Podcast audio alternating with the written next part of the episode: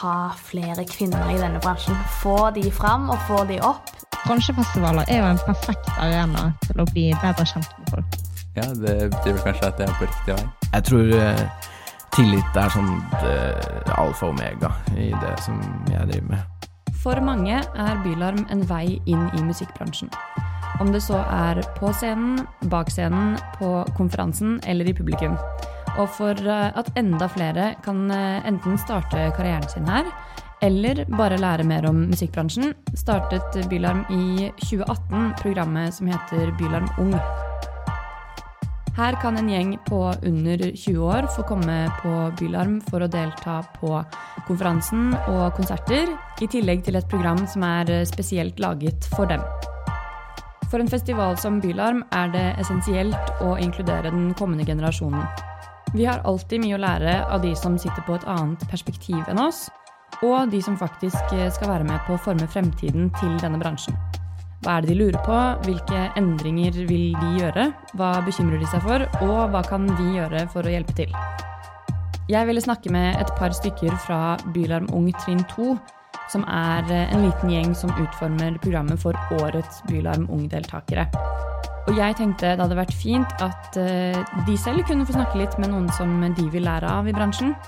Derfor har jeg først med meg Betty Gebraesus, som skal ta en prat med Linnea Lysand fra Made Management.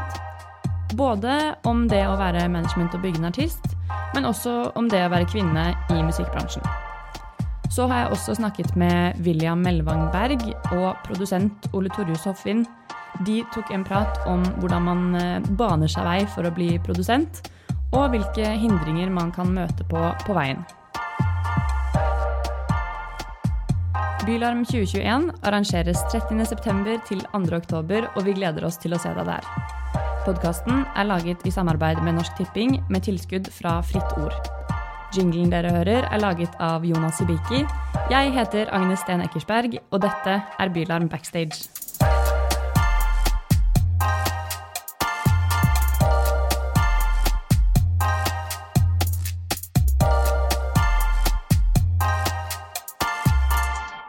Velkommen til Bylarm Backstage til deg, Betty, og til deg, Linnea.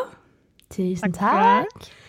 Vi sitter jo eh, i forskjellige rom denne gangen. Eh, Betty og jeg er på kontoret til Bylarm, mens Linnea sitter i Bergen. Jeg har i dag med meg Betty, som, eh, som kommer fra Bylarm Ung, hvis man kan si det sånn. Har ikke du lyst til å fortelle litt om, om din bakgrunn i Bylarm? Ja, jeg var med i Bylarm Ung. Um, jeg var der for å lære i 2020, rett før pandemien eh, tok over hele verden. og jeg eh, har fått muligheten igjen til å være med som nivå to-deltaker. Eh, hvor jeg eh, har egentlig lært ganske mye og fått muligheten til å komme med ideer og eh, ting å gjøre som en bylarm ung person, da. Som jeg kan lære å ja, møte og ja, hva slags aktiviteter er det dere har hatt da? Vi har eh, I år så har vi hatt Pga. pandemien så har vi hatt online bylarm. Og der har de egentlig fått lov til å være i de breakout rooms. Og så har vi hatt folk som kommer og snakker og lærer om liksom, diverse ting. da. Bylarm er jo det samme som en vanlig bylarm, bare for nye og engasjerte ungdommer mm. som vil lære bare på et annet nivå. Um, ja. Så dere har jo full tilgang til Bylarm, og så har dere i tillegg noe sånn faglig innhold som er tilpassa eh, Bylarm Ung-gjengen. Mm, helt riktig. Og så har vi med oss Linnea i dag, som Betty ønsket seg å ta en liten prat med. Mm. Koselig. Og Linnea, hvem er du? ja, eh, Nei, jeg jobber som manager i Made Management. Eh, et selskap jeg har jobbet i nå åtte år. Um, og det var egentlig der jeg eh, begynte min karriere, og er fremdeles. Ja. Så eh, jeg er manager for eh, altså Opp gjennom årene så har jeg jo vært manager for veldig mange. Men akkurat nå så jobber jeg med Lars Vaular, Silja Sol og Kamara. Jeg hadde veldig lyst til å lage denne episoden med eh, Bylarm Ung-deltaker for at de skulle eh, eller for at Betty skulle få muligheten til å snakke litt mer sånn i detalj med en person fra den delen av bransjen som hun også kanskje ønsker å gå litt inn i. Så jeg har litt lyst til å gi ordet til Betty for at eh, hun skal kunne finne litt ut av det hun lurer på. Som eh, sikkert mange andre, veldig interessert i eh, musikk. Um, og har liksom den samme klisjéhistorien som mange. Um, hvor eh, jeg har vokst opp musikk, med musikk og um, alltid likt å dra på konserter, møte nye folk, og det er liksom det som driver meg, da. Det er liksom diesel og bensin til kroppen. Um, og virkelig, og det er jo det jeg, derfor jeg har gjort det jeg har vært med på um, opp gjennom mine ungdomsår. Um, men jeg har jo selvfølgelig lyst til å ende opp eh, som eh, litt, en liten større del i bransjen. Um, litt usikker på helt hvor jeg vil ende opp til syvende og sist, men jeg har alltid vært interessert i å være, å være en artistmanager eller um, noen som jobber litt tettere på artisten da, enn bare som en arrangør, som jeg har vært før. da. Så det er jo derfor jeg har valgt det, jeg. ja. Skal vi finne ut hva du skal gjøre resten av livet? Yes. ja, det må settes nå. Nå går det an.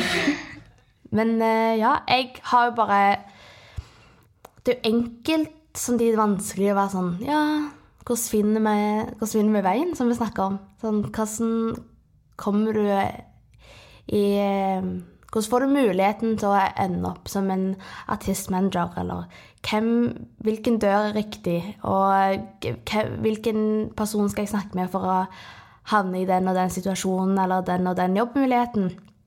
Jeg er jo veldig gira på å egentlig lære mer enn eh, å på en måte få en jobb med en gang. Fordi jeg føler at eh, om man får en jobb, så trenger man ikke nødvendigvis vite alt, liksom. Sånn eh, Jeg kan jo ganske lite, men jeg sitter jo her. Um, og jeg tenker jo at det er en mulighet. Men jeg vil òg samtidig høre og lære av de som har litt mer erfaring. Sånn Hvordan endte du der du er nå? med de største artistene? Ja, jeg var jo kanskje òg litt heldig, faktisk. Altså, jeg eh, kjente de riktige personene. Det var egentlig litt der det begynte. For jeg, jeg, jeg brukte hele tenårene på å liksom, være frivillig på festivaler. Jeg solgte merch. Eh, jeg eh, ja, var artistvert. Det var liksom hele tiden gjorde det, da, bare for å få tilgang til konserter, egentlig. Um, og så um, i den prosessen så ble jeg da kjent med han som i dag er sjefen min, Mikael Telle. Um, og det, det, er dessverre en veldig klein historie, egentlig. Men uh, det, han, han hadde et kontor inne på en klesbutikk i Bergen. uh, der han, uh, han, drev et lite plateselskap. og så er meg og en venninne inne i den butikken, vi skal bare kjøpe klær. og så hører jeg at han spiller av en av favorittartistene mine. Og jeg bare og jeg følte liksom Å, herregud, jeg var jo trodde jeg var den eneste som hørte på disse her. Å nei, nå spilles det høyt i butikken. sant? Og jeg går bort til han og spør han, ja, hvordan kjenner du disse her? Altså, jeg er 14 år gammel, jeg er ikke noe skikkelig kokke. Um, ja, hvordan kjenner du disse her? Og uh, litt sånne ting. Og bare nei, uh, jeg gir de ut i Norge. Det er jeg som gjør label for de her i Norge. Og på den måten så begynte vi liksom å snakke om det. da. Um, og så møtte jeg han alltid igjen på andre konserter som han arrangerte, f.eks., eller med artister han ga ut. Og på den måten så knyttet vi òg et vennskap.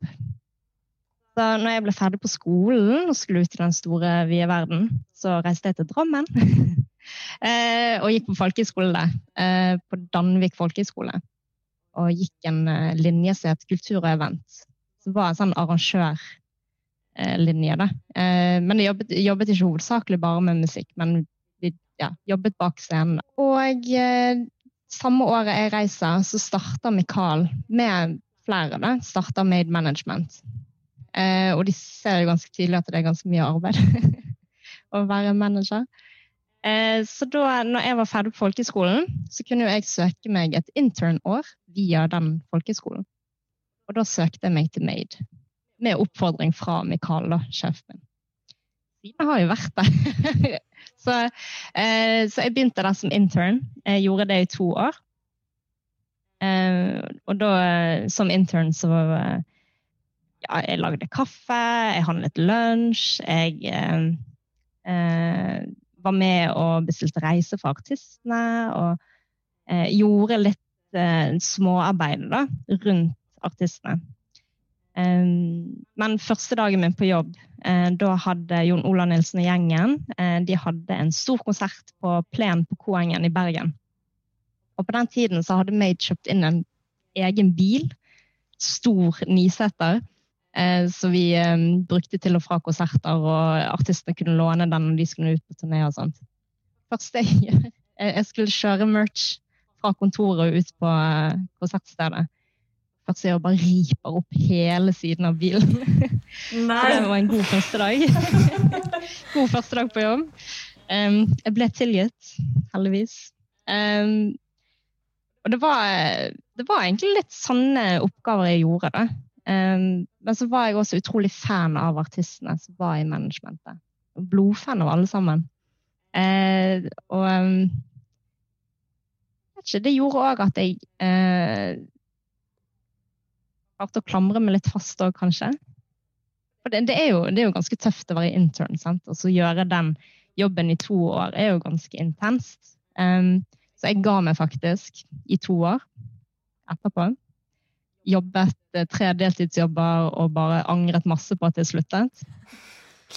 Um, så da ringte jeg Mikael igjen og så sa jeg, du, vet hva, jeg er klar til å komme tilbake igjen. Kanskje du, kanskje du finner meg en stilling i Made? Um, og uh, han ble litt uh, Han ble litt engasjert av at jeg bare sånn Dette skal jeg gjøre. Um, det var kanskje litt inspirerende, tror jeg. Så da fikk jeg uh, en deltidsjobb da, tilbake inn i Made. Mm. Og igjen så gjorde jeg de samme oppgavene, men ikke like mye kaffelaging og ikke mye, like mye lunsjhandling. Men jeg nå var jeg med og tok større del av artistene sånn dag-til-dag-virksomhet. Så da var jeg med og bestemte turneer, og jeg godkjente kontrakter og begynte liksom der, da. Um, ja, og på den måten så fikk jeg bygget meg ekstremt mye erfaring. Um, og, etter, og, da hadde jeg basically en sånn assistentstilling, da. Uh, og så da over årene så begynte å bli mer og mer klar til å ta større og større oppgaver. Um, og da ble jeg manager til slutt. Men hvem var denne artisten som du hørte at uh, Mikael spilte? Ja, det sa jeg aldri. Nei. Det er Familien heter de. Svensk elektronikaartist. Uh, Kult. Det er mange år siden, mm. så det, jeg tror ikke dagens uh, generasjon har hørt om dem. Men um, men ja. Så nei, det var vårt felles, uh, felles uh, prosjekt. Familien. Mm. Så egentlig, altså det hele begynner jo med nettverking. Det hele begynner med å kjenne de riktige folkene. Vise at man har et engasjement for, uh, for musikk. Um, og det var jo i veldig mange år der jeg samtidig uh, Altså i den perioden jeg ble kjent med Mikael, så visste jeg at jeg, jeg, skulle jobbe i musikkbransjen. Det var liksom, det var ikke noe tvil. Eh, men jeg trodde jeg gjerne skulle ende opp på arrangørsiden, f.eks. Eh, drive med å lage festivaler og sånn. Eh, og så etter hvert så ble jeg veldig nysgjerrig på plateselskapbiten. Jeg syntes det virket så utrolig gøy å kunne være med å bygge eh, markedsføringsplan og liksom se, se hele tiden hvor, hvor, det går bra med artisten, hvor, hvor det går dårlig, hva man kan gjøre. Men som manager da, så får man egentlig oppleve alt. Man er med på begge sider av, uh, av reisen. Så du, du, er med å lage konserter, du er med å utgi, gi ut en plate, og du er med å, å sette dem på turné. Og, ja. Så du får bli med på absolutt alt. Jeg eh, tror ikke jeg hadde hatt uh, guts til å slutte etter å ha fått eh, internship, og så komme tilbake og si hei. Kan du Nei, skaffe meg jobb? Men, uh, Nei, altså eh, en beslutning, jeg eh, står inne for i dag. Jeg, hadde, jeg, hadde, jeg, hatt valget i dag, så hadde jeg fortsatt. Hadde jeg. Fordi ja. bransjen er jo Kanskje i Norge så er den ganske liten, men ellers ganske stor. Mm. Og for meg, eller i hvert fall før, em, så syns jeg jeg var enda større, til og med i Norge. Jeg tenkte at liksom, det, var, det var så langt vekke. Sånn. Det var bare en drøm, liksom. Fordi at du tenker bare på de store stjernene med en gang. Alle du er alle du vokste opp med, alle du liksom har som idoler. Men eh, ja, kanskje mitt andre spørsmål da er jo liksom sånn Hvordan er, holder du deg relevant? Ja, hvordan holder du deg relevant i, i musikkbransjen eller i, i labelet? Fordi at eh, mange tenker på det som eh, bare en artistting, eller de som skal spille og være De som skal selges, da. Men eh, man må jo være relevant som en artistmanager eller en A&R, for den saks Ja. skyld. Her tror jeg mange gjemmer seg bak artistene de jobber med. tror jeg. Mm. Altså, det er jo Altså, så lenge du jobber med en artist som eh, folk syns er kul, og så har en veldig um, tydelig profil og har markert seg, så er jo man Så kan jo jeg være verdens kjedeligste person, liksom. Det, så lenge jeg gjør jobben. Um, men ja, hvordan man holder seg relevant, så er det jo egentlig å hele tiden være på utkikk etter nye artister, se etter muligheter for artistene. For det er jo, det er jo ikke lenger sånn nå at man gir ut et album og reiser på turné, og så, så er jobben gjort, liksom. Nå er det veldig mye mer man kan gjøre. Um, så ja, altså, sånn for eksempel for ti år siden så drev jo man med testet ut for eksempel, sånn hologrammer på konserter og sånne ting. Så det, hele tiden se etter sånn, de nye tekniske løsningene man kan bruke. det.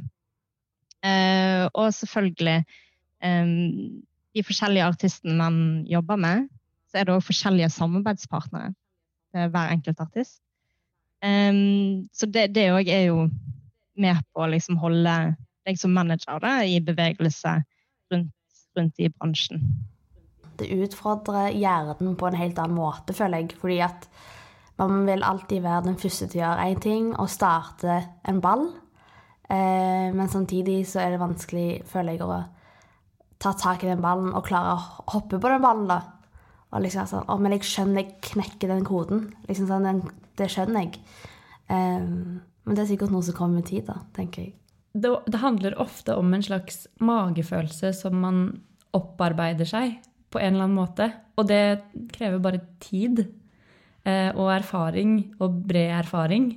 Og så får man en sånn rar magefølelse. Så det er, hvis f.eks. jeg skal be om råd hos andre, så er det fordi jeg har lyst på en, en bit av deres magefølelse. Hva er det de som mer erfarne eh, på en måte bare kjenner at det er riktig valg eller riktig måte å ta kontakt med noen. Eh, en sånn merkelig magefølelse som man bare må benytte seg av og, og la komme, på en måte. Det er veldig sant. Eh, og det, selvfølgelig erfaring har jo veldig mye å si, fordi opp gjennom årene så har man brent seg mye på, på um, risikoer man tar. Men det er en del av det òg. Altså, hvis man ikke er en, eh, en manager som tør å ta risikoer, så er det jo òg um, Får jo man ikke de store mulighetene heller for artisten. Um, så det, ja, det er viktig å tørre å begi seg litt ut på det ukjente. Det er det faktisk. Um, men siden du sa at det med at du slutta etter to år um, Var det fordi at du skjønte på en At du mista litt motivasjon? Og i så fall, hvordan kommer den tilbake igjen, hvis du har liksom følt på den seinere? Ja, det var eh, Jeg mistet definitivt motivasjonen. Eh, jeg var livredd. Jeg, jeg, jeg følte at um, ja, skal, hvis vi skal være helt ærlige, så altså, jeg, jeg, følte jo veldig på det at jeg ikke, jeg ikke var god nok. Jeg kunne ikke nok. Jeg hadde ingen, ingen utdannelse i bunnen. Jeg følte liksom at det jeg ga, det var ikke godt nok for artistene. De fortjente bedre, på en måte. Eh, så, og det var en følelse som tok overhånd, og det er jo derfor jeg sluttet. Så trengte jeg to år på å komme litt opp på beina igjen. Um, for noe som var veldig ulikt meg, så var basically bare å ja, hva skal jeg si, be, be om en jobb. det har ikke jeg gjort før. Kommer ikke til å gjøre igjen heller, herregud. Men, uh, men um, Eh, men ja, absolutt. Altså, det var en en stor følelse av utilstrekkelighet. Eh, Det, var, det føltes eh, Noen dager så føltes det livsfarlig å gå på jobb. Og det, det er jo ikke en god følelse for noen. Eh, så nei, det, eh, jeg lot meg knekke psykisk. Det gjorde jeg. Mm. Jeg var veldig ung òg, sant. Det er jo, jeg var 21 år. Livet er ikke på stell da. Så det Nei, var jo fint. Takk!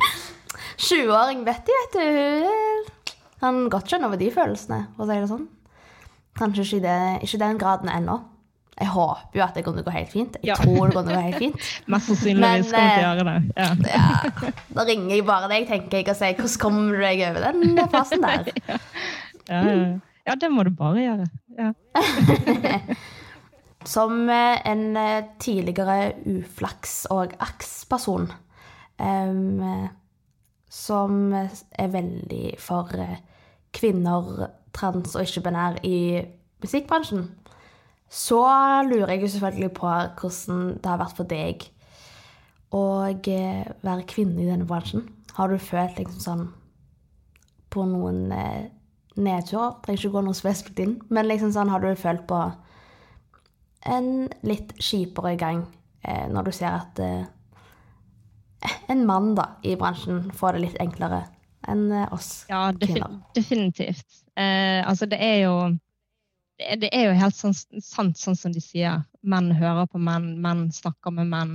Eh, og det, det, det stemmer, og det, det ser vi jo. Men så er det jo òg litt av problemet i Norge er at det er så ekstremt mange kvinner som jobber i musikkbransjen her i Norge. Men nesten ingen av de er ledere. Og det er litt den biten vi må få på plass nå fremover. Da. Men altså, den nye generasjonen som kommer frem nå, er jo nesten bare kvinner. Så, eh, så det er nok ikke lenge til vi begynner å se flere og flere kvinnelige ledere i musikkbransjen. Jeg tror ikke det er mange år unna, og det, det vil hjelpe veldig mye. tenker jeg. Men jeg har hatt mange situasjoner der jeg har opplevd at jeg har blitt undervurdert, og jeg har eh, blitt sett ned på, og, og til tider veldig beskyttet. Blitt veldig skjermet for eh, ja, bare sånn, ja, nei, nå må vi tenke litt på følelsene til Linnea. nei, men eh, det definitivt har vært mye, mye sånt. Eh, spesielt når det kommer til forhandlinger. Det krever jo at man er, er ganske fjellstøtt i, eh, i det man gjør. Eh, og da er det jo òg litt kjedelig å gå inn i de forhandlingene og gjerne føle at det, å nei, dette er jo første gang jeg gjør det. Hm, hvordan skal jeg fikse dette her? Hm. Eh, og så har jeg lært at folk er jo egentlig veldig greie. Slutt. Altså, det, det har ikke vært nødvendig å være så redd. Um, for grunnen til at den kontrakten ligger på bordet, er jo fordi det er noen som har lyst til å jobbe med artisten min. Så de vil jo bare prøve å få det til. Så da er det lov å spørre, da er det lov å stille dumme spørsmål. Bare sånn, hei, hva betyr dette? Kan du forklare? Ja. Så det løser seg alltid, det gjør det. Men, um, men ja. Nei, det er um, Jeg tror menn har litt lettere i musikkbransjen enn kvinner. Ja, det er min erfaring. Det skal vi få ordna på, Ja. tenker jeg. Det tenker jeg òg. Det er jo en ting jeg må lære, er jo hvordan man bygger en artist eh, fra start, som eh, mest sannsynlig kommer til å skje nå for meg. Så det er bare noen tips. Ja, hei, altså, jeg syns alt det der er litt vanskelig spørsmål, for det er liksom ikke den oppskriften man kan følge. på en måte. For det kommer litt an på hvilken sjanger artisten er. Det kommer an på hvem artisten er. Um, og det kommer an på hva som er målsettingen. Hvor, hvor- skal artisten være om et år? Hvor skal artisten være om tre år? Fem år? Ti år? Altså at man starter den planleggingen da, sammen med artisten. Jeg vil absolutt anbefale å bruke mye tid på å bli kjent med folk som jobber i bransjen. Uh, og ikke bare for å pushe artister, men òg fordi man trenger venner i bransjen. Altså, det, er, det er veldig hyggelig å komme på en bransjefestival, og så vet du at du har fem venner der, f.eks. Og man vil trenge hverandre, og man støtter seg på hverandre og den pakken. Um, så nettverking er jo nummer én. 100% eh, Og etter hvert så burde jo man òg bygge et team rundt artisten. Uh, et plateselskap og et bookingbyrå og eh, etter hvert og publishing, når det føles riktig, er, er en viktig del av en eh, langsiktig karriere. det. Bransjefestivaler er jo en perfekt arena til å bli bedre kjent med folk. Det er, Mm. Og du, du møter alltid nye fjes på de festivalene. Og, så ja, det, det anbefaler jeg. Reise rundt på bransjefestivaler og bli bedre kjent med folk. Det er tips nummer én. Sånn som vi har vært inne på, så finnes det på en måte ingen oppskrift på det. Nei. Så det å f.eks. samle erfaring fra ulike arenaer, at du har begynt som arrangør, er jo Altså du, Betty, som jeg nå henvender meg til. Eh, det at du har begynt som arrangør, er jo ikke en svakhet. Det er jo en styrke, fordi da får man den brede erfaringen som i større og større grad trengs i enhver jobb du skal gjøre i bransjen. Um, og jeg tenker at det er litt interessant å se på hvilken retning disse rollene egentlig tar. Men når man kan eh, komme inn og endre litt på bransjen og gjøre litt som man vil, hva er det du, Betty, ser for deg at du har lyst til å ta tak i? Hvilke mangler eller eh, altså feil i hermetegn er det, er det du har lagt merke til? Um, jeg sier det igjen, og jeg kommer sikkert til å si det mange ganger. Gjør men det. eh, virkelig det som har Det som på en måte har lagt seg godt, et godt inntrykk i hodet mitt, da, og hva jeg kommer til å ha med videre, er jo ha flere kvinner i denne bransjen. Få de fram og få de opp. Virkelig sånn Og det er ikke noe imot menn. Menn de er like gode som damer, tenker jeg. Men eh, eh, alle kvinnene som er der, som gjør den jobben, samme jobben som de på topp em, gjør nå, de trenger å få like mye creds og hedring em, som menn, da. Um, og ja, det er, jo, det er jo det jeg har Jeg har lyst til å sitte der, jeg òg, tenker jeg. Men at vi burde få likestilling, tenker jeg nå, da. Og så håper jeg på Ok, så litt mer musikkmessig, da, så syns jeg jo selvfølgelig at eh, jeg har veldig lyst på litt mer eh, Jeg har blitt veldig glad Eller jeg har alltid vært veldig glad i eh, litt mer rene R&B. Norsk R&B er kanskje det peteste jeg vet om. Um, uh, veldig glad i pop og veldig glad i rapp.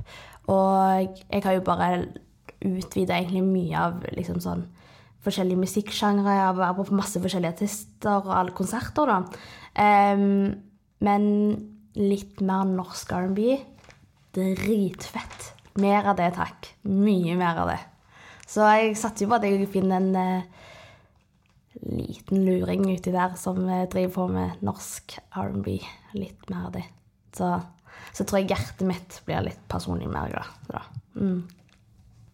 Veldig fint. Det syns jeg høres ut som en veldig bra plan. Ja, men eh, en ting også som er viktig å huske, er jo at man lærer man, man, mens man går. Det er hele tiden noe nytt som dukker opp som man ikke har lært seg. Altså, nå, nå nærmer jeg meg ganske mange år i bransjen, men jeg kan allikevel ingenting teknisk, eksempel.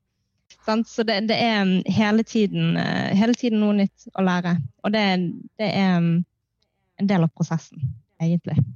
Jeg syns liksom, som sagt, at all, ingen har samme, samme vei å komme inn i bransjen, eller den jobben, eller eh, hvor man er henne. Men å høre forskjellige historier Jeg skulle aldri trodd at du slutta etter to år, og så kom tilbake til samme label. Eh, men og jeg, skulle, og jeg har snakket med Mikael før, eh, for to år siden på, i Bergen på Willy West. Og han hadde jo en helt annen historie.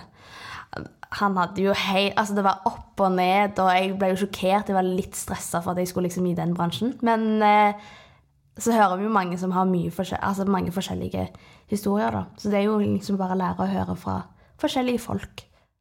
Ja, men det som er felles med alle de historiene, er at eh, alle har snublet og falt skikkelig hardt mens Mm. man har holdt på. Og det, det er en del av det. Eh, og det, ja, det er kjempeskummelt eh, å begi seg ut på ut i det ukjente og skal prøve å gjøre noe bra ut av det. Men det er alltid til slutt verdt det. Det føles veldig sånn eh, jordnært å snakke om bransjen på denne måten. Eh, det er fint å bli påminnet hva, hva man egentlig driver med, eh, og hva man jobber for. Takk til både deg, Betty, og deg, Linnea, for at dere ville være med i Bylarm Backstage. Det har vært en eh, glede å ha dere med. Tusen takk for meg. Ja, tusen takk.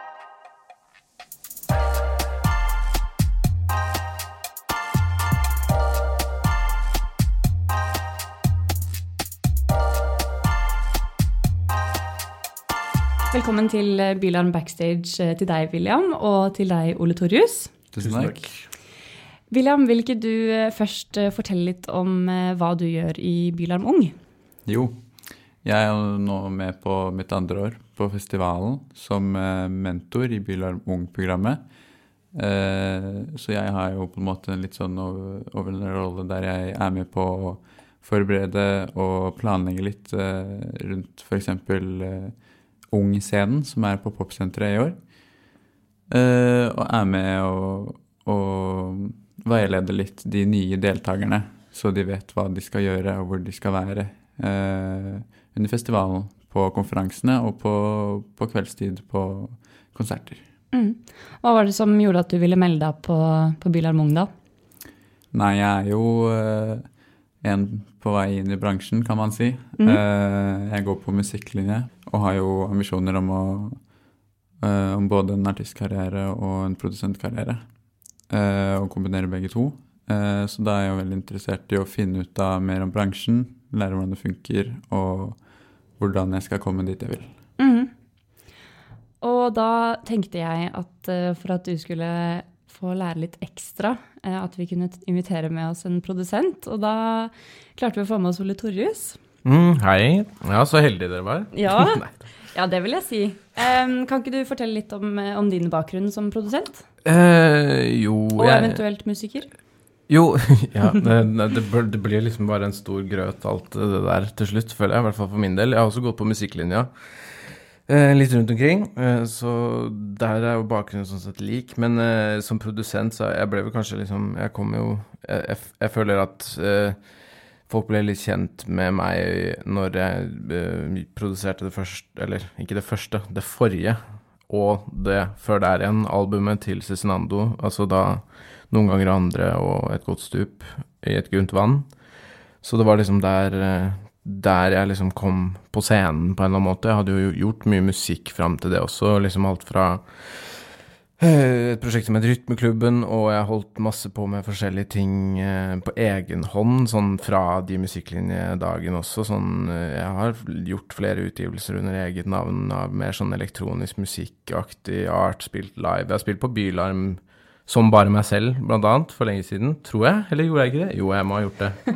Og med sånn forskjellige band og holdt, eh, holdt på, liksom. Så det har, det har, det har liksom vært eh, bare musikk eh, fra egentlig helt så lenge jeg kan huske, i forskjellige former. Men så krystalliserte det seg til slutt, på en måte, med å være produsent og låtskriver, da, hvor jeg har fått jobbet med ganske mange eh, flinke folk.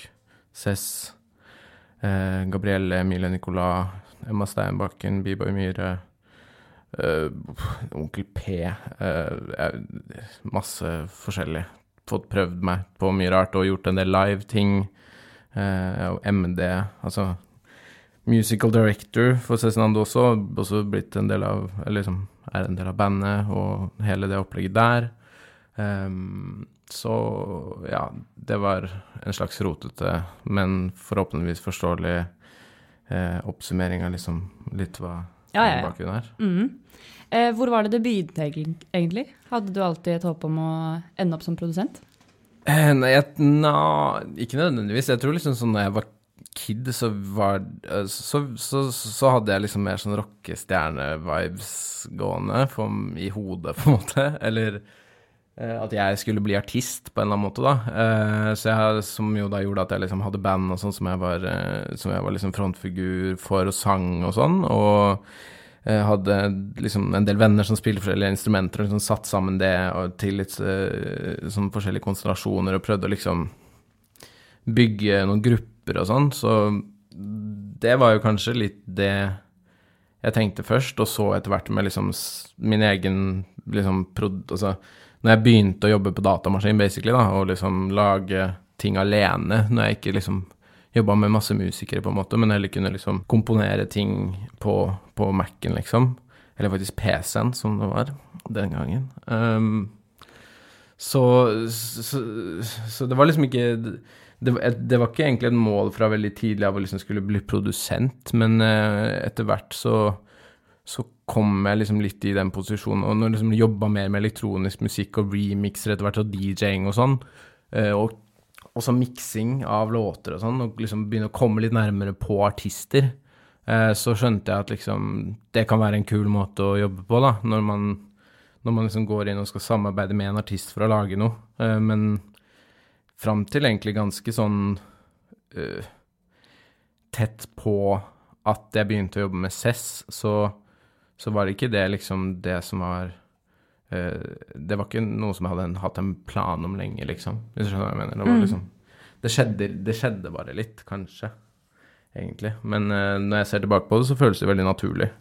Egentlig er jeg veldig komfortabel i den rollen. Det er på en måte en rolle som man må som man plutselig enten er i eller ikke er i, da. Det er liksom, du, du kan jo produsere deg selv, men å liksom å produsere sammen med oss eh, låtskrivere og artister og sånn, det, det, det, gjør man jo enten eller ikke. Så, eh, så får man jo liksom vurdere litt om man syns at det virker spennende eller ikke. Og når jeg først var i den situasjonen, så syns jeg at ja, vent, dette gir mening. Og det er litt chill å ikke være artist også, så kanskje jeg heller skal gønne der, liksom. Mm. Mm. Hva med deg, William? Har du eh, bestemt deg for hvilken retning det blir? Nei, jeg har jo definitivt ikke det. Jeg syns det er morsomt å høre på deg snakke, Ole Torjus, fordi jeg kjenner meg igjen i veldig mye av det. Og så blir jeg tenkt sånn Ja, det betyr vel kanskje at jeg er på riktig vei. Mm. Um, ja, nei, så jeg har ikke bestemt meg ennå. Jeg har prøver prøvd å holde liksom alle dører åpne. Uh, og bare lære mest mulig. Uh, veldig liksom åpen, uh, åpen tankegang, da. Mm. Hva er det du har lyst til å få vite av Ole Torjus i dag, da? Hvilke hemmeligheter oh. tror du du kan uh, trekke ut fra han? Nei, jeg tenkte å grave dypt. Nei, det har jeg ikke. Nei, jeg tenkte Vi kan spørre litt om liksom hvordan du endte opp med, med Cezinando, da, som liksom var på en måte ditt gjennombrudd, kan man si. Det er, ja, det er jo en interessant historie for så vidt, fordi det, det er, det er en en slags rekke med tilfeldigheter, og det er sånn jeg kan gå mer eller mindre inn i detaljene på det. Men eh, det har nok med å gjøre at jeg var Altså, når jeg gikk på Ja, jeg har gått på NTNU på Mustek eh, der, musikkteknologi der, eh, i Trondheim. Eh, og på den tiden så var jeg vel inne i liksom klubbmusikkverden, egentlig. Eh, og jeg DJ-a en del sammen med liksom rytmeklubben-gutta og sånn, og vi lagde liksom en del egne remixer til å DJ-e, og vi på en måte var, ble etter hvert litt sånn en del av et slags miljø omkring, eh, omkring det, liksom. Og begynte, det var liksom da vi begynte å komme inn i, i, i bransjen litt. Eh, og, så vi fikk en del venner, eh, og jeg fikk noen venner. Eh, og det var liksom en av de vennene som jeg fikk på liksom den klubbmusikkreisen, egentlig, som også er DJ, og som har gjort en del andre ting. Jobba litt sånn forskjellige steder. Sånn jeg, jeg, jeg, vet ikke, jeg vet ikke hva jeg burde si hvem det var, men en person i hvert fall som skulle spille et sett eh, på en festival. Og så hadde vedkommende veldig lyst til å spille en eh, botanisk hage av Cess, men ha, hun syntes ikke at det var eh, altså den, den, gjorde seg ikke så godt som den var, så det var liksom en, eh, en slags forespørsel om sånn Kan ikke du gjøre en remix, på en måte, som jeg kan spille? Så jeg gjorde det. Eh, jeg lagde en remix av Botanisk hage, som ikke fins noe sted. Ikke prøv å lete etter den engang, eh, fordi eh, den ble aldri lagt ut. Eh, jeg vet ikke om den ble spilt engang, for å være helt ærlig. Men den endte i hvert fall opp hos han, og han hørte den, så da fikk jeg melding fra han Eh, om, eh, om, liksom ikke jeg Eller om Skal vi ikke putte den her ut, liksom? Den var fet. Vi legger den ut på SoundCloud eller et eller annet sånt. Det var populært på den tiden. Eh, og så sa vel jeg egentlig nei.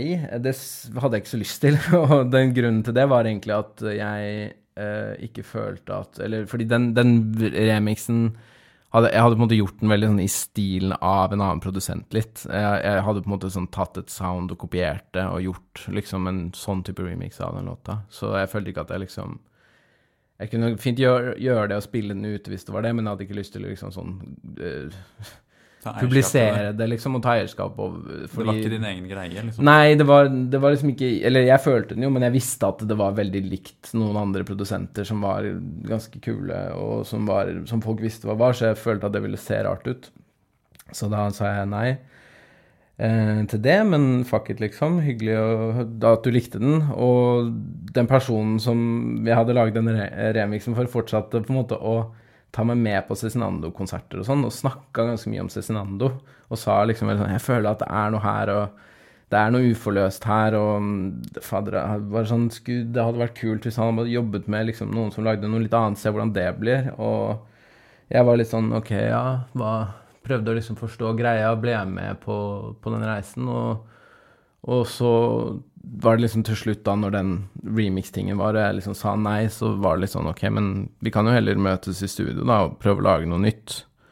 Og da hadde han på en måte nettopp blitt ferdig med det albumet og den turneen rundt det albumet var det Barna i Europa, og liksom var på en måte litt sånn et sted hvor det var liksom Jeg startet på noe Et nytt kapittel. Og så møttes vi øh, i studio øh, for første gang for å gjøre det der. Altså bare møtes og lage noe å se. Så lagde vi en skisse den første dagen, og så lagde vi en skisse til den neste dagen, og det var Håpla plass. Og derfra så har vi på en måte bare Så ble det et album, liksom? ja, sakte, men sikkert så ble det på en måte et album. Vi bare, fortsatt, vi bare fortsatte å møtes hver dag, egentlig, føler jeg. Vi bare var i studio hele tiden. Og det var liksom en hel prosess der for han, ting som skjedde der, men vi bare fortsatte å lage musikk. Og jeg tror ikke det var før vi hadde liksom sikkert halve albumet at det liksom viste seg at ok, ja, men det, nå lager vi et album, og det plutselig kom en avtale på bordet, og det var et label som skulle gi det ut, og alt liksom begynte å rulle, da. Mm. Rimelig imponerende å bare smelle opp eh, 'Håper du har plass' på dag to. Ja, nei, det, det var litt eh, lykketreff der. Ja. Det var det. Jeg lurer også litt på åssen uh, du jobber. Har du liksom flere prosjekter gående samtidig, eller har du et du jobber med av gangen? Eh, Jeg prøver å Jeg prøver å ikke ha for mange prosjekter å jobbe med av gangen. De siste årene så har jeg liksom Jeg har gjort veldig Jeg veldig jeg har gjort veldig mye album, da. Eh, som på en måte litt sånn min hovedgeskjeft. At jeg som oftest eh, går inn i et prosjekt og at det er et helt album. Det er jo ikke alle som gjør det, eller får muligheten til det, kanskje. Så det er jo liksom et privilegium, for meg i hvert fall. Eh, føles det veldig sånn. Og liksom få tilliten og tiden til å liksom kunne eh, bruke liksom Jeg pleier liksom gjerne å kanskje bruke et halvt år da, med en artist gjerne på å lage et album. Uh, og da Det er jo gjerne litt andre ting her og der, liksom, um, som jeg tror er viktig for å liksom komme litt ut av den headspacen der som man er i, liksom. Det blir jo en veldig boble, uh, så det er liksom Jeg prøver ikke å være sånn 100% strikt at det er sånn ok, det halvåret her skal jeg bare jobbe med dette, fordi det tror jeg kan bli litt sånn klaustrofobisk. Men eh, jeg liker ikke å jobbe med to album på en gang, eksempel. Um, Du har alltid ett hovedprosjekt som du fokuserer ja, på. jeg prøver det. Men eh, jeg tror samtidig sånn nå fremover så, så, så Jeg merker at jeg også har lyst til å prøve å liksom kombinere litt mer. Eh, eh, men alt det handler jo veldig mye om bare om hvordan man organiserer tiden sin, og hva de prosjektene man jobber med, tillater også litt, ikke sant. Det er jo litt sånn eh, Forskjellige prosjekter krever forskjellige ting av tid og av eh, ressurser og av liksom arbeidsmetode, liksom. Så ja, jeg tror til nå så har jeg prøvd å holde det ganske streit. Liksom et album har litt sessions her og der, kanskje det er noen låter, men jeg har litt lyst til å se om jeg klarer å liksom kombinere flere prosjekter litt sånn oppå hverandre også. Men det er bare veldig viktig at jeg kjenner etter og passer på at det ikke det blir for mye på en gang, fordi det kan det også bli. Det er ikke noe vits i å overdrive, liksom. Nei. Eh, har, du, har du noen blemmer som, som du husker, som du liksom tenker at ah, shit, der eh, gikk jeg på en skikkelig smell, som kanskje unge sånn som meg kan ta lærdom av? Ikke gjøre de samme feilene, de samme feilene eventuelt.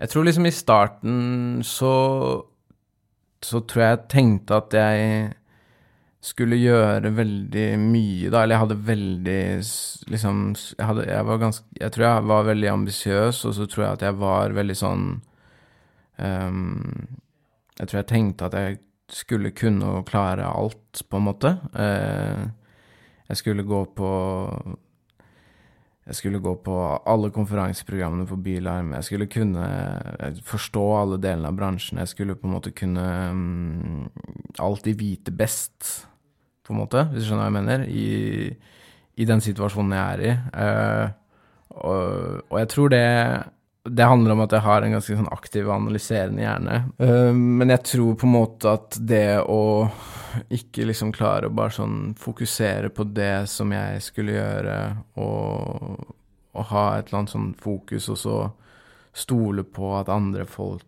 å, liksom, klarer å hjelpe meg og vil hjelpe meg og, og har kunnskap og sånn, selv om jeg ikke liksom vet nøyaktig alle delene av deres hjerne. Eh, jeg har også liksom sett folk som jeg føler har og jeg har gått på skolen med folk og liksom møtt folk som jeg føler liksom har vært veldig sånn i et uh, mindset hvor sånn, jeg må lære meg alle tingene jeg skal kunne, før jeg på en måte begynner å gjøre det. Jeg, liksom, jeg, skal, lære, jeg skal, bli dritgod til å eh, mikse, for eksempel, da. Og så skal jeg prøve å få Og da skal jeg begynne å mikse, på en måte. da kommer man jo veldig tregt i gang. Det handler jo ja. ofte om å bare lære mens man gjør det. Det er liksom det. Det er, jeg føler jeg har sett det veldig mange ganger, da, at det er folk som ikke tør å bare hoppe i vannet, men liksom føler at de er nødt til å komme på et eller annet visst nivå eh, som de setter for seg selv i hodet sitt, på en måte, egentlig, fordi de vet jo ikke egentlig hva som skjer der ute, ikke sant. Eh, eh, som på en måte da ender opp med å bare kvele sin egen utvikling og, og aldri komme noen vei. Eh, så jeg takker ja til ting som, som man syns høres gøy ut, da. Det er jo liksom det viktigste. Å bare lage og gjøre ting som gir, deg, som gir en glede, liksom, og ikke være redd, fordi frykt er det verste i verden, på en måte. Man må prøve å ha så lite frykt som mulig. Jeg tenker på også litt sånn økonomi og sånn. Mm. Eh, det å liksom skulle livnære seg av å lage musikk for seg mm. selv og for andre, eh, det er jo ikke alltid like lett. Eh, har du hvordan har på en måte du løst det, da? Eh, det Nei, det har jo vært noen hits og sånn, da, på en måte. Eller album som har gjort det veldig bra. Det er på en måte litt sånn Jeg hadde jo ikke vært eh, Jeg hadde ikke kunnet holde på sånn som jeg gjør, hadde det ikke vært for at en del av de prosjektene som jeg har laget, har gått ganske bra, liksom. Um, det er jo Altså, jeg hadde jo ikke noe penger når vi lagde noen ganger og andre. Liksom, da da bodde jeg på en sofa Jeg, jeg så på sofa, sofaen til uh, I en leilighet som, uh, som, som, foreldrene mine eier, som søsteren min egentlig bodde i, på en måte. Jeg hadde, jeg hadde studert og sånn, og jeg bodde i Oslo, uh, og, men jeg hadde ikke noe Jeg hadde ingen penger, liksom, i det hele tatt. da. og det tok lang tid før på en måte jeg fikk det i det hele tatt. Men det, fordi det er jo lange haler på de tingene som jeg holder på med, liksom. Så jeg tror jo man bare For det første er man nødt til å akseptere det på en eller annen måte. At det tar ganske lang tid å tjene penger uh, i den bransjen her. Og, og sjansen for at du ikke tjener noen penger på det du gjør, er jo også der, liksom. Det, det, det, det er jo ikke gitt at Altså, det, altså, det kunne hende at jeg, at jeg, ikke hadde gått noe bra med det, det Cezinaldo-albumet, f.eks., og da hadde ting sett veldig annerledes ut for meg. Uh, og det er på en måte bare Det er en realitet da, som man må forholde seg til. Uh, så det er, det er, liksom ikke noe godt svar på det, annet enn at man kanskje må være litt realistisk på å liksom forstå hvordan det du gjør, genererer penger, og på hvilken måte, og så hvis du trenger penger for å overleve, så må du gjøre noe annet i tillegg, liksom ta den Rema-jobben, liksom. Jeg kjenner artister jeg, som er på radio, som jobber i bar og på butikker og altså, Skjønner du hva jeg mener? Det er um, man må bare man må, man må, virkelig elske det og bruke den tiden man har utenfor den eventuelle sidegigen man har, og prøve å tenke litt smart på det, og så eh, ikke gi opp etter et halvt år, liksom. Du har jo hatt mange prosjekter gående, og nå, nå er det vel liksom den produsentbiten som er den viktigste. Mm. Men eh, Sånne ting som det, det, det var, Rytmeklubben. Rytmeklubben, mm. riktig. Mm. Eh, du har liksom vært artist også. Mm. Jeg har lyst til å fortelle litt mer om, om den biten av karrieren din, da. Eh, ja Hva skal jeg fortelle om det, da? Det var en litt sånn rar eh, blanding da, av å være produsent, for vi var jo produsenter der òg, ikke sant. Vi produserte jo musikk. Uh, og skrev musikk og, og gjorde liksom veldig sånn på mange måter likt det en vanlig produsent holder på med, bare at man liksom skulle gi det ut selv, på en måte, da, og, og spille det live og liksom ha et brand og et image og eh, ja, være artist på en eller annen måte. Eh, og det er jo en helt egen greie, liksom, eh, som er veldig Jeg syns veldig mye vanskeligere å deale med enn man kanskje skulle tro.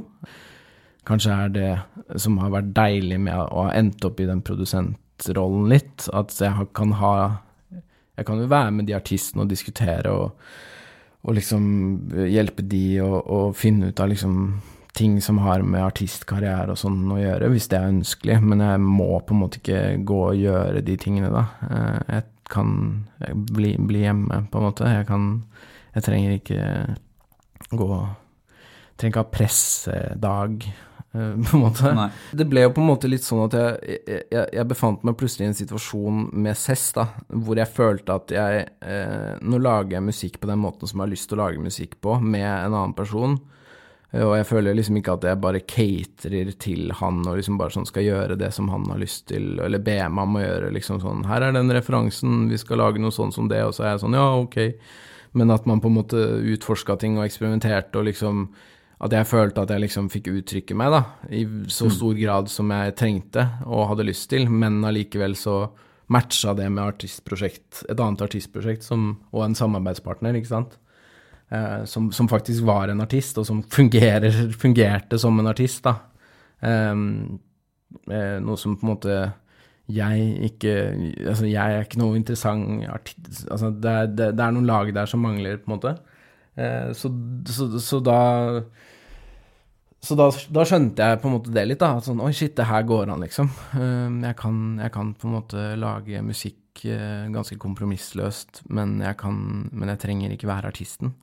Eh, Jeg kan finne folk som jeg kan gjøre det sammen med, som, som kan være de artistene, da. Eh, Og da får, man, da får jeg også mye mer eh, fokus, ikke sant. Jeg får, mye mer, jeg får mye mer tid til å fokusere på det som jeg hadde lyst til å gjøre, og det var å lage de sangene, liksom.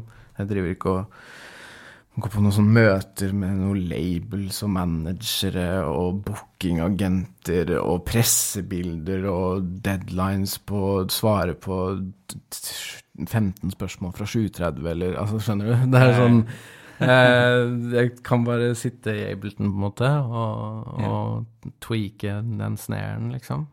Ja. og det var, føltes ganske mye mer komfortabelt. Mhm. Du nevnte Ableton. Er det det, er det, det musikkprogrammet Ja. du bruker for Mm. å lage musikk? Yes. Det er morsomt. Det er det jeg bruker også. for. Herlig. herlig. Broren min. ja. Mm. Nei, jeg har hørt eh, det. Har liksom ikke hørt om så mange andre som bruker det. Eh, Jeg vet ikke om det Jeg Jo. føler det begynner å bli vanligere og vanligere, kanskje. I hvert fall for folk som driver med rap. Så Ja. har det liksom fått en veldig sånn oppsving. Eh, folk som begynner liksom lage beats. Eh, men, jeg, men jo, når jeg Altså, når jeg begynte, så var det ikke som veldig mange andre som på en måte brukte det i popproduksjon på den samme måten, fordi det er egentlig Eller det har vært ganske mye mer tungvint å bruke, da, eh, enn f.eks. Logic eh, og for så vidt Pro Tools, kan man påstå, hvis man vil det. Så nei, eh, hele veien har det kanskje ikke vært så vanlig. Det har liksom Etter hvert som jeg kom rundt, så føler jeg at det var De fleste brukte Logic, på en måte, av liksom sånn popfolk. Eh, men jeg kommer jo ikke fra det, eh, så, så jeg, jeg bruker Ableton. Syns det er herlig. Um, og nå, med, nå med de nyere oppdateringene og hva det heter nå, Live 11 og sånn, så blir det liksom mer og mer ok. Det begynner å bli lettere og lettere å bruke. Nå har ikke jeg Live 11, selvfølgelig, fordi jeg driver ikke med oppdateringer og sånn, men um, Det er lettere å jobbe med det du allerede kjenner til. Ja, eller det føles i hvert fall etter det. Jeg klarer å lure meg selv til å tro det, eh, i hvert fall. så, så slipper jeg å, å, å, å oppdatere og sånn. Mm. Men um, Nei da, så det jeg, jeg tror ikke det Det er ingen som trenger å være redd for Ableton i, hvis de har tenkt å velge seg en DAV nå, i hvert fall. Når du jobber med, med andre, Ja. hvor går grensa mellom det å produsere på vegne av deg selv og på vegne av noen andre? Hmm. Liksom Sånn for å beholde ditt eget Ja. uttrykk, da. Den grensen går jo på en måte der hvor uh, Den går der hvor noen velger at den skal gå, da. Eh, hvis jeg har en eh, Hvis jeg gjør noe eller lager noe som jeg syns er best, og eh, den artisten jeg jobber med, er uenig i det, og vil at det skal være annerledes, eh, så vinner jo gjerne den artisten. Eh, etter en mer eller mindre forferdelig krangel, på en måte. Ikke så veldig forferdelig. Det er ganske sjeldent. Jeg, er ikke sånn Jeg er egentlig ikke en sånn fyr som på en måte eh, jeg, vet, jeg, tror jeg, jeg, tror jeg, tror at jeg kunne vært bedre på å liksom være sånn Ja, men Jo, eh, noen ganger. Eh, så det varierer litt, men noen ganger så føles det ikke riktig. Men, så det, det, er, ja, det er kanskje det beste svaret. Det den grensen går jo på en måte bare der hvor den eventuelt måtte oppstå. Jeg prøver jo å alltid liksom gå inn i en session og tenke at liksom nå, eh, nå skal jeg liksom Nå er det en grunn til at eh, de har ringt meg, og jeg skal liksom gjøre min ting her, og så skal de på en måte respondere på det på et eller annet nivå. Eh, men til syvende og sist så er det liksom sånn eh, Musikk og, og kreative prosesser er, er ikke et demokrati, sånn som mange tror. For det er noen det er noen som bestemmer til syvende og sist, liksom. Og det må være den personen som skal stå der og synge de sangene og ha fjeset sitt på det coveret og liksom bære det ved sitt navn for alltid, på en måte. Jeg, jeg vil bidra, jeg vil utfordre, jeg vil eh, prøve å liksom eh, eh, være så ærlig som mulig, eh, både med meg selv og de i forhold til hva jeg syns er best, men til syvende og sist så, så, er, det ikke, så er det aldri jeg som, som bestemmer. Men uh, så er det liksom det da å prøve å opparbeide seg en relasjon og på en måte en dynamikk hvor, uh, hvor, hvor man har en sånn type altså mutual respect for hverandres liksom kreative uh, funksjon, eh, eller whatever, at man liksom eh, At man kan kaste den ballen på en, eh, på en givende måte, da.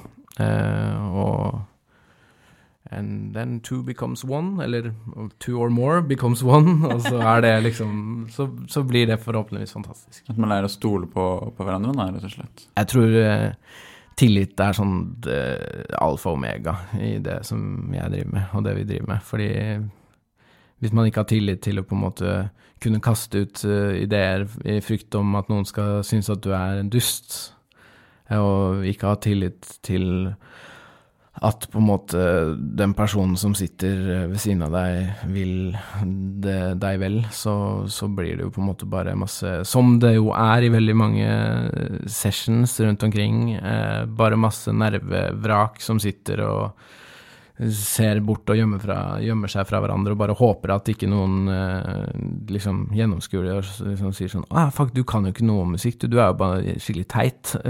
Du er jo skikkelig dårlig på det du driver med, på en måte. Eh, fordi ja, det er liksom verste konsekvens, og jeg tror ikke at det blir så sykt mye bra musikk av sånn type dynamikk. Så ja, trygghet på hverandre er key. Mm. Har du liksom møtt på noen eh, vanskelig, vært i noen vanskelig samarbeid liksom, med folk hvor du har tenkt liksom shit, det her eh, er helt umulig å jobbe med?